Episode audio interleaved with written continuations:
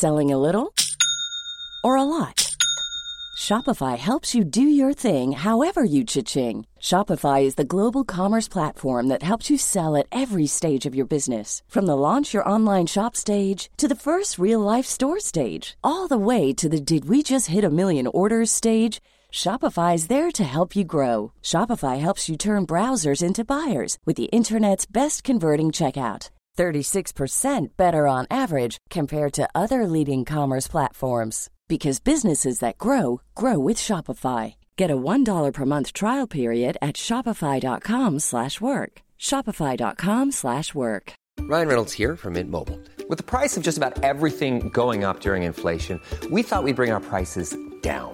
So to help us, we brought in a reverse auctioneer, which is apparently a thing. Mint Mobile unlimited premium wireless. Ready to get 30, 30, bit to get 30, bit to get 20, 20, 20, bit to get 20, 20, bit to get 15, 15, 15, 15 just 15 bucks a month. So, Give it a try at mintmobile.com slash switch. $45 upfront for three months plus taxes and fees. Promo for new customers for limited time. Unlimited more than 40 gigabytes per month. Slows. Full terms at mintmobile.com. Millions of people have lost weight with personalized plans from Noom, like Evan, who can't stand salads and still lost 50 pounds. Salads, generally, for most people, are the easy button, right? For me, that wasn't an option. I never really was a salad guy. That's just not who I am. But Noom worked for me. Get your personalized plan today at Noom.com. Real Noom user compensated to provide their story.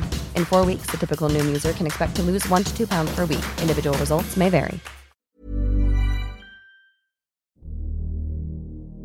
Politibetjent David Lacey i Oakville, Washington var ute og kjørte med en kollega sommeren 1994 da det begynte å regne kraftig. Dette var ingenting unormalt på nordvestkysten av USA, da det regner nokså ofte der. Men i bilen trodde først det begynte å hagle, noe som heller ikke ville vært unormalt. Men da de forsøkte å bruke vindusviskerne, merket de at haglet ble gnidd utover ruten. Til slutt klarte de ikke å se hvor de kjørte. De stoppet bilen og gikk ut for å undersøke hva dette var. Til deres store overraskelse oppdaget de at dette slettes ikke var hagl, men en geléaktig substans som regnet ned i klumper fra oven. Etter hvert ville mange bli svært syke, dyr ville bli funnet døde, og mysteriet om hva dette kunne være, ble bare større og større. Dette er historien om The Oakville Blobs.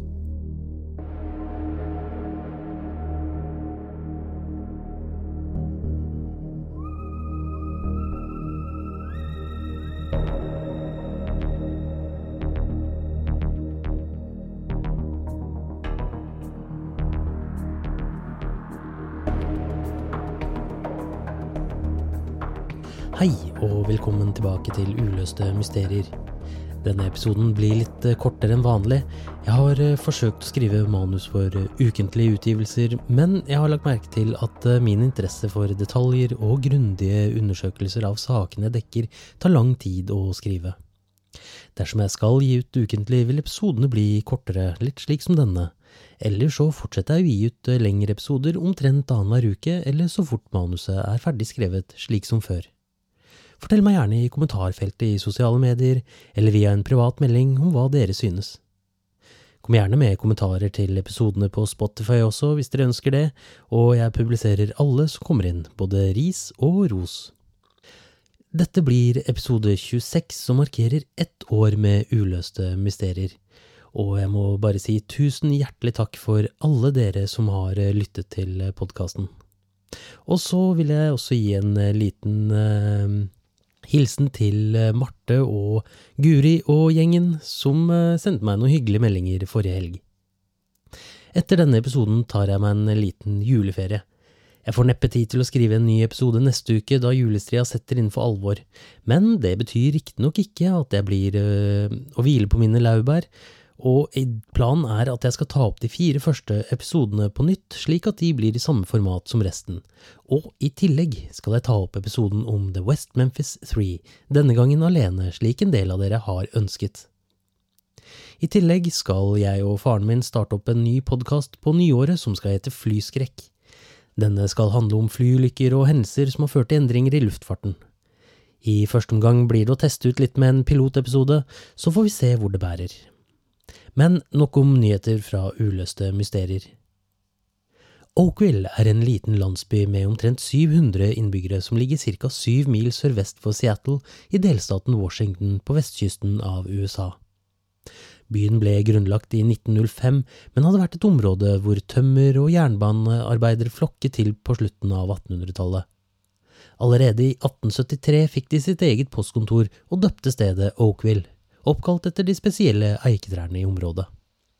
Oakville er et regnfullt område, og mellom april og oktober regner det i gjennomsnitt ca. 100 millimeter i måneden, hvor juli og august er de månedene med minst regn, og som trekker ned gjennomsnittet. Innbyggerne er dermed godt vant med regnskurer, men det var lite som skulle forberede dem på hva som skulle regne ned fra himmelen den 7. august 1994. Omtrent klokken tre på natten begynte det å regne. Politibetjenten David Lacey var på patrulje med en kollega da det de trodde var hagl begynte å dale ned fra himmelen. Lacey satte på vindusviskerne, men oppdaget at substansen som hadde lagt seg på ruten, ble smørt utover frontruta helt til de nesten ikke kunne se noen ting. De så på hverandre og sa her er det noe galt. De stoppet ved en bensinstasjon for å undersøke nærmere hva dette var. Lacey tok på seg hansker og plukket litt opp av det mystiske stoffet.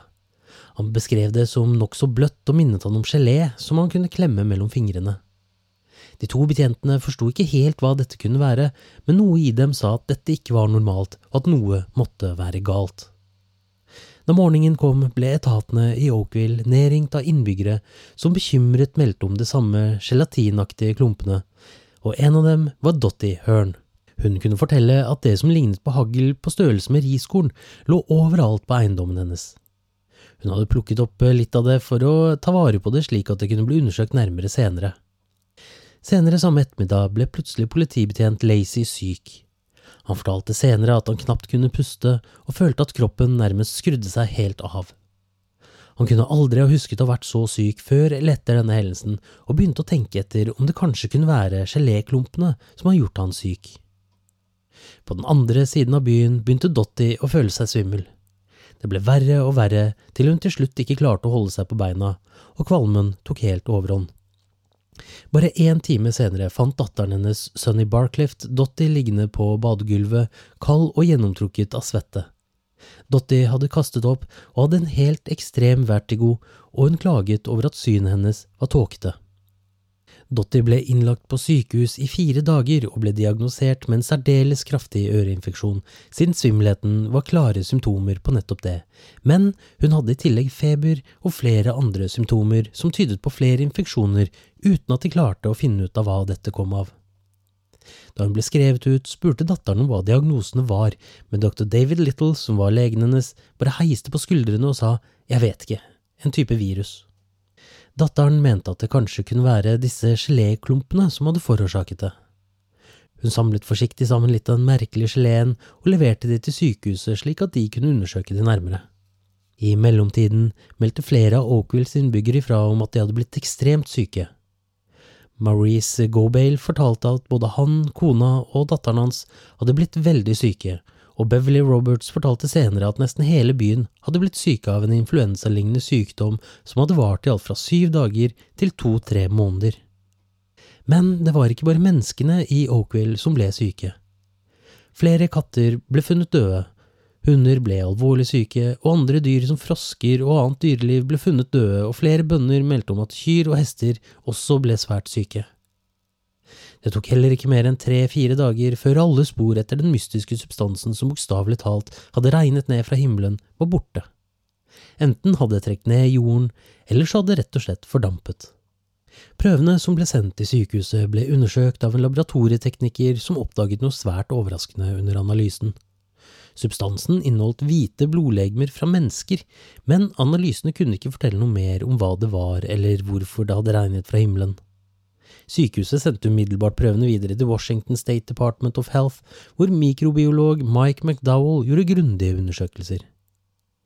McDowell oppdaget at prøvene han hadde fått var fulle av to typer bakterier, Pseudomonas fluorescens og Entrobacter cloacea, hvor sistnevnte var en bakterietype man finner i fordøyelsessystemet til mennesker.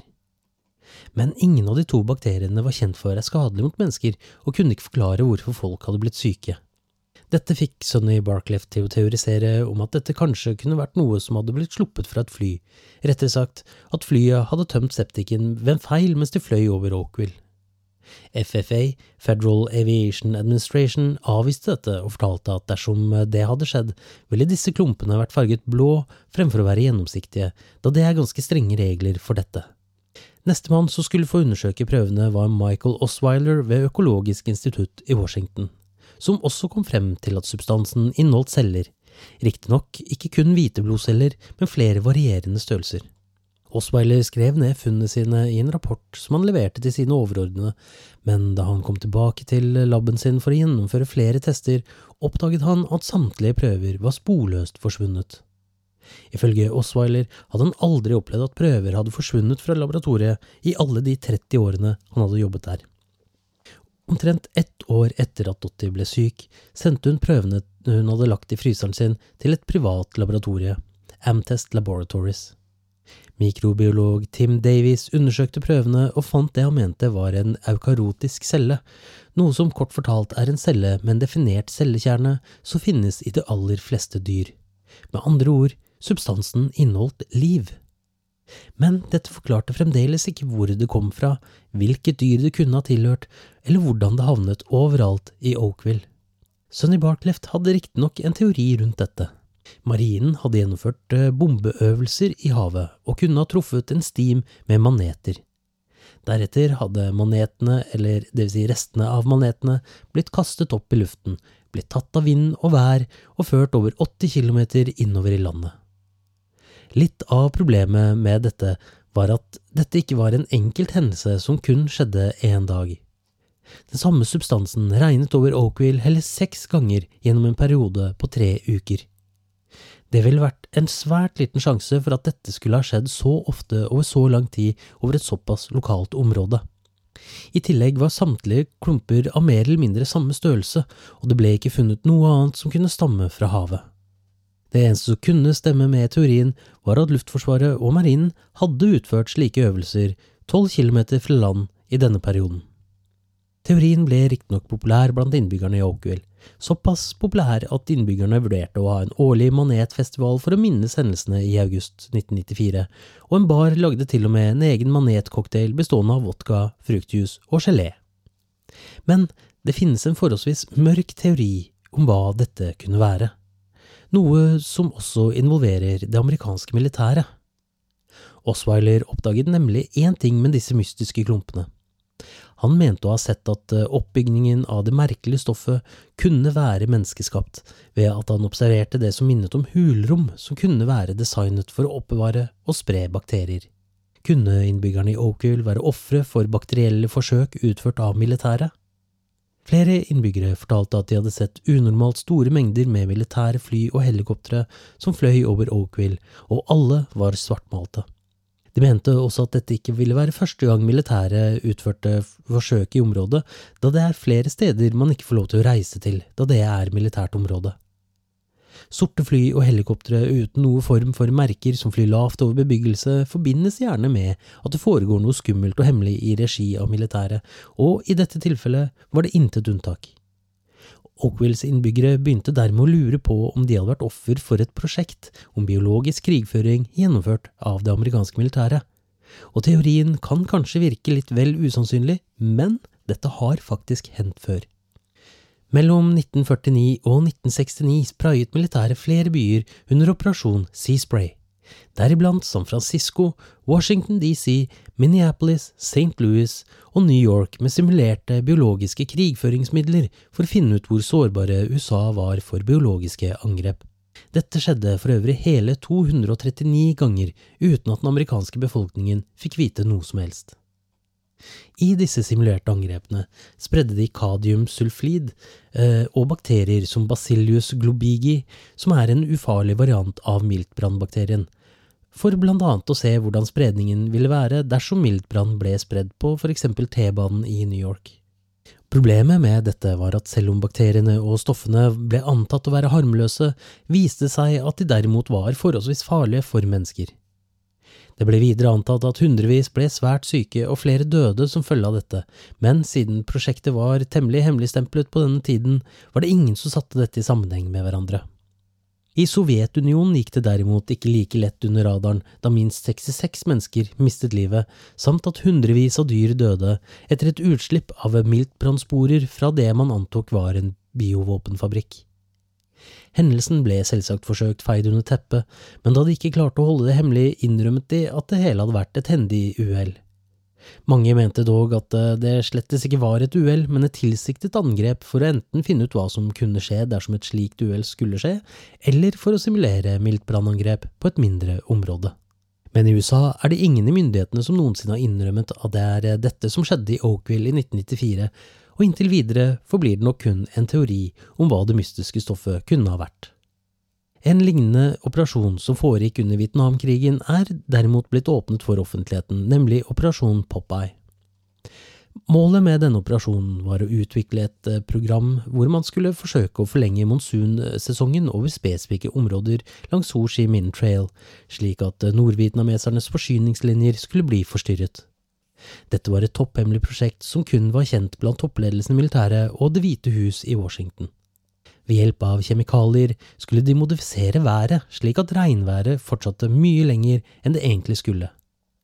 Detaljene og hvordan det ble utført og hva som faktisk ble resultatet, er derimot fortsatt hemmeligstemplet. Slike eksperimenter som går ut på å modifisere og manipulere været, blir svært mislikt i de internasjonale forskermiljøene, men til tross for dette har de forekommet jevnt og trutt helt siden 1700-tallet, og man trodde at lyden av skudd fra geværer og kanoner førte til at det begynte å regne. I nyere tid lagde visstnok forskere i Emiratene over 50 kunstige regnstormer mellom juli og august i 2010, noe som førte til både hagl, kuling og tordenstormer, og noe som forvirret de stakkars uvitende innbyggerne i områdene dette ble testet. I Kina har de en helt egen etat som heter Beijing Weather Modification Office, og det påstås at de kan manipulere og kontrollere været slik de ønsker, noe de for så vidt også lovte offentlig før de olympiske lekene i Beijing gikk av stabelen. Prosjekter slik som dette har blitt gjennomført i flere land verden rundt, og attpåtil med en forholdsvis stor grad av suksess. I Emiratene for eksempel sikter de på å øke nedbøren med 15–30% hvert år, og i USA har de klart å øke regnvær og snøstormer. I begge eksempler har de benyttet seg av det som kalles cloud seeding, noe som betyr at de sprayer partikler over skyer i et forsøk om å øke perspirasjonen, noe som igjen fører til nedbør. Prosjekt Storm Fury hadde derimot som oppgave å gjøre det stikk motsatte. Ved hjelp av å spre visse kjemikalier over orkaner og tropiske sykloner skulle stormene løse seg opp før de nådde land. Disse eksperimentene fikk en viss suksess, og i enkelte tilfeller kunne forskere faktisk se stormer løse opp via dopplerradarer, men i 2003 ble forsøkene stanset da det ble dokumentert at dette strengt tatt ikke hadde noe praktisk betydning for store tropiske stormer og orkaner kan det ha vært dette som skjedde over Oakville, men at eh, noe gikk galt under et forsøk på å eksperimentere med forskjellige typer blandinger for å manipulere og kontrollere været? Området rundt Oakville ville i så fall vært et perfekt sted på grunn av nedbørsmengden. En litt mindre spennende teori er at disse klattene var korn laget av kjemisk natriumpolyakrylat. Natriumpolyakrylat er et superabsorberende polymer som kan absorbere opptil 1000 ganger sin egen vekt i vann. Dette stoffet finner man annet i bleier, bind, bandasjer og kunstsnø. Det brukes også innen jordbruk slik at fuktigheten holder seg i jorda. Dermed teoriseres det om at slike korn hadde blitt brukt på en av de mange jordene i området. Sterk vind hadde feid over jordene og fraktet med seg disse partiklene høyt opp i atmosfæren, hvor de absorberte vann. Deretter svelget de til riskornlignende gelépellets før de regnet ned over Oakville. Og teorien er ikke helt borte i natta i Bournemouth eh, i England hendte noe lignende i 2012, eller kanskje ikke helt det samme, da disse klumpene ble funnet på det samme jordet de allerede lå på fordi det hadde regnet natten før. Men det kunne fort ha se ut til at de hadde regnet ned fra himmelen der de lå, og mange dro paralleller til Oakville-hendelsen. Riktignok beviser ikke Bournemouth-hendelsen hva som skjedde i Oakville, men teorien kan absolutt ikke utelukkes. En annen teori er at klattene var det som kalles star jelly, jeg har ikke funnet noen annet norsk ord for det, men det er en gelatinaktig substans som noen ganger kan bli funnet på bakken. Fenomenet, om man kan kalle det det, har vært beskrevet av både forskere og poeter siden 1200-1300-tallet. John A. Gaddison beskrev i sine medisinske memoarer en slags slimete substans som lå på bakken, og mente at dette burde prøves for å behandle absesser. På 1500-tallet ble det skrevet i et latinsk medisinnotat at stoffet var en slags fet substans som kom fra jorden og ble på folkemunne kalt en stjerne som hadde falt. I en engelsk latinordbok fra omtrent samme tid var det noe som ble beskrevet som sterslime, som det engelske ordet, og asub som det latinske. Assub ble brukt som et begrep for stjerneskudd, og på walisisk har substansen blitt referert til som råte fra stjernene. I Mexico har det bare blitt kalt caca de luna, eller måneavføring, så etter alle tegn tyder det på at mennesker i lang tid har forbundet stjernegeleen med himmelfenomener. Teorien om hva stoffet faktisk er, finnes også. En teori er at det er snakk om en sopp, eh, myxarium nucleatum, som vokser på døende trær. Andre mener det kan være gytegelé som frosker, padder og andre amfibier spyr ut, eh, noe de tyske begrepene sternenrotz, eller stjernesnørr, og meteorgalerte, dvs. det vil si meteorgelé, også viser til da de refererer til gytegelé som frosker spyr ut. Eh, eller så kan det være en slags slimete muggtype som har en tendens til å plutselig dukke opp i geléform før den løser seg helt opp og inntar en slags støvlignende form som spres på vinden. Men som regel er denne muggtypen fargerik og ikke gjennomsiktig. Substanser som knyttes til Star Jelly har forekommet mange steder gjennom tidene, blant annet hendelsen i Oakville. Det som derimot er litt sprøtt med dette, er at i mange tilfeller har de dukket opp rett etter at de har blitt observert eh, meteorer på himmelen. I mange tilfeller har de funnet ut at dette har kommet fra frosker, men i flere tilfeller vet de rett og slett ikke hva det har vært, annet enn at det til tider har spredd seg over større områder. Men uansett om dette stemmer, vil det ikke forklare de merkelige symptomene og sykdommene som rammet innbyggerne i Oakville. Og det som kan forklare dette, er kanskje det mest kjedelige og minst konspiratoriske med hele fortellingen. Dersom vi deler opp hendelsen i to separate hendelser, klattene og sykdommen, så kan det hende at de ikke hadde hatt noen sammenheng, men snarere vært et tilfelle av tilfeldigheter. Det som gjør hendelsene såpass vanskelige, er at det aldri ble gjort noen grundige undersøkelser av det som skjedde. Sykdommene ble aldri satt i sammenheng med geléregnet før senere, og dermed mistet de som potensielt sett kunne etterforsket saken, viktig informasjon. Det ble aldri gjennomført en dyp og grundig epidemisk undersøkelse av hva geléklumpene kunne være, de som ble syke ble aldri intervjuet av myndighetene for å fastslå at det faktisk var mange som ble syke etter å ha vært i kontakt med stoffet, og døde dyr ble aldri samlet inn og undersøkt nærmere. I tillegg har det aldri blitt gjennomført noen grundigere analyser av klattene enn hva sykehuset, Helsedepartementet og Økologisk institutt gjorde, noe som gjør at linken mellom de forskjellige sykdommene og fenomenene som regnet fra himmelen fort blir tilfeldige omstendigheter, koblet sammen av folkesnakk og rykter. For å toppe dette ble hendelsen dekket av aviser, nyhetskanaler og TV-programmer som Unsolved Mysteries, og et problem med dette er at enkelte viktige detaljer har blitt endret, kanskje for å gjøre historien mer spennende. Et eksempel på dette er historien om katten til Sonny Barcleft som døde ikke lenge etter hendelsen men det som ble utelatt, var at denne katten allerede var syk og led av alvorlige fordøyelsesproblemer. Det kan derfor hende at tidspunkten for kattens dødsfall tragisk nok var helt tilfeldig. Det samme gjelder andre dyr i området. Det kan rett og slett handle om at uh, med en gang noe merkelig skjedde, begynte innbyggerne å legge merke til andre ting som fort kunne bli merkelige dersom man satt i sammenheng med noe man ikke klarte å forklare. Og det er helt menneskelig å gjøre dette. Vi mennesker har en tendens til å lete etter forklaringer på det uforklarlige i søken etter å forstå hva vi observerer og opplever. Det er kanskje en logisk og naturlig forklaring på hva The Oakwill Blobs var, men alle prøver av de mystiske klattene er i dag sporløst borte. Om de er blitt fjernet og destruert av en etat innen militæret som ønsker å holde hemmelige biologiske operasjoner vel hemmelige, får vi nok aldri vite. Kanskje var det helt tilfeldig at det mystiske stoffet regnet ned fra himmelen og at folk ble syke rett etterpå. Eller kanskje var det noe som kom fra stjernene, noe utenomjordisk som falt til jorden, men som vi foreløpig ikke helt klarer å forstå. Den dag i dag melder folk om samme type fenomener rundt om i USA uten at noen er blitt noe klokere på hva det kan være. Men én ting er iallfall helt sikkert.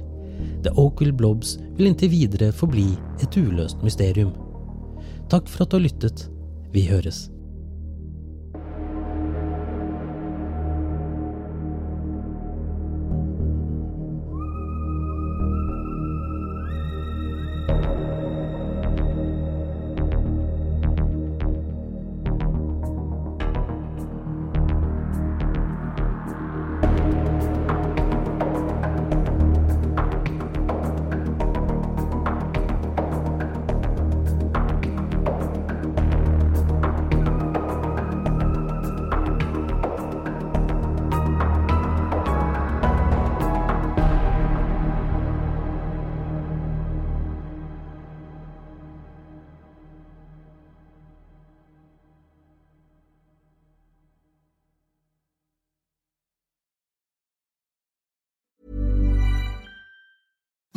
Imagine the softest sheets you've ever felt. Now imagine them getting even softer over time. That's what you'll feel with Bowl and Branch's organic cotton sheets. In a recent customer survey, 96% replied that Bowl and Branch sheets get softer with every wash. Start getting your best night's sleep in these sheets that get softer and softer for years to come. Try their sheets with a 30-night guarantee. Plus, get 15% off your first order at bowlandbranch.com. Code BUTTERY. Exclusions apply. See site for details. Hi, I'm Daniel, founder of Pretty Litter. Cats and cat owners deserve better than any old fashioned litter. That's why I teamed up with scientists and veterinarians to create Pretty Litter. Its innovative crystal formula has superior odor control and weighs up to 80% less than clay litter. Pretty Litter even monitors health by changing colors to help detect early signs of potential illness. It's the world's smartest kitty litter. Go to prettylitter.com and use code ACAST for 20% off your first order and a free cat toy. Terms and conditions apply. See site for details. Planning for your next trip? Elevate your travel style with Quince. Quince has all the jet setting essentials you'll want for your next getaway, like European linen, premium luggage options, buttery soft Italian leather bags, and so much more. And is all priced at 50 to 80% less than similar brands. Plus, Quince only works with factories that use safe and ethical manufacturing practices. Pack your bags with high-quality essentials you'll be wearing for vacations to come with Quince. Go to quince.com slash pack for free shipping and 365-day returns.